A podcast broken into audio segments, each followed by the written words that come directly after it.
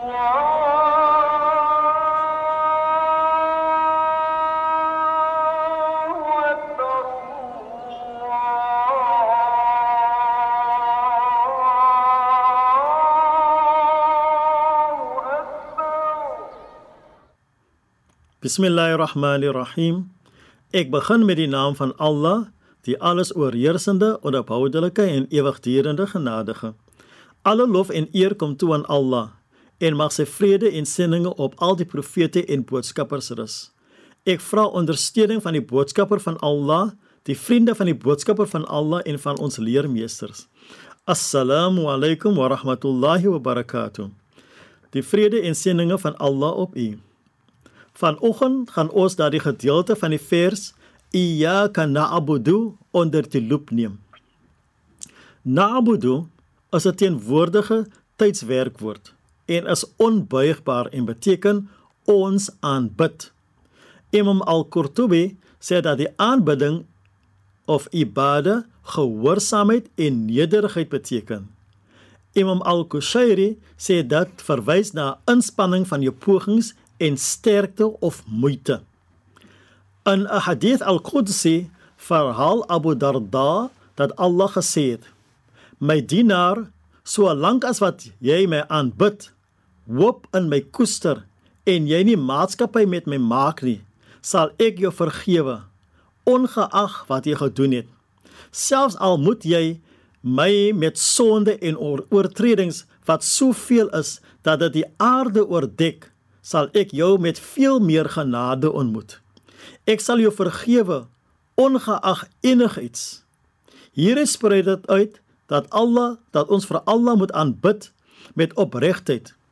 Imam Al-Kushairi sê dat sy meester Abu Ali Al-Daqqaq gesê het: Opregtheid beteken om vir Allah die alleenreg te gee vir ons aanbidding. Hiermee bedoel hy dat aanbidding nabyheid aan Allah tot die uitsluiting van enigiets anders beteken.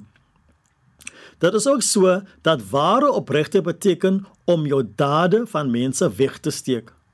Volgens 'n autentieke tradisie het Nabi Muhammad gesê dat Allah gesê het: "Opregtheid is die grootste geheim wat ek in die harte van my geliefde dienaars geplaas het."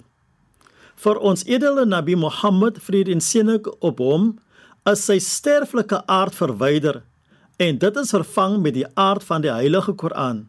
Allah sê: "Waarlik, u het 'n edele karakter, 'n khulukun azim."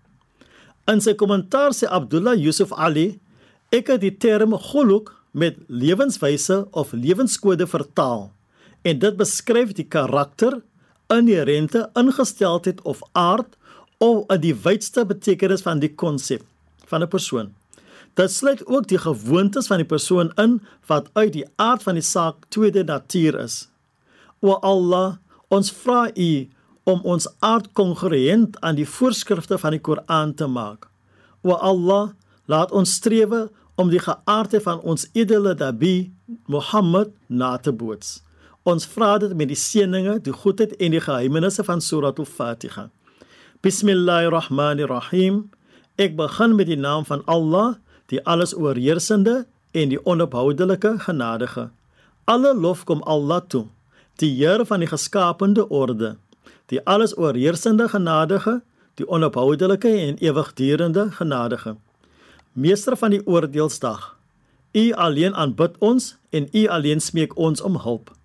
Lei ons op die regte weg, die weg van hulle wie u guns verdien. Nie die weg van hulle op wie u toren neergedaal het nie, of die weg van hulle wat afgedwaal het nie. Walhamdulillahi rabbil alamin en alle lof en dank kom toe aan Allah. Dit is Shahid Maniers wat u met God se vrede, God seëninge en God se genade groet. Tot 'n volgende keer, insha Allah. Allah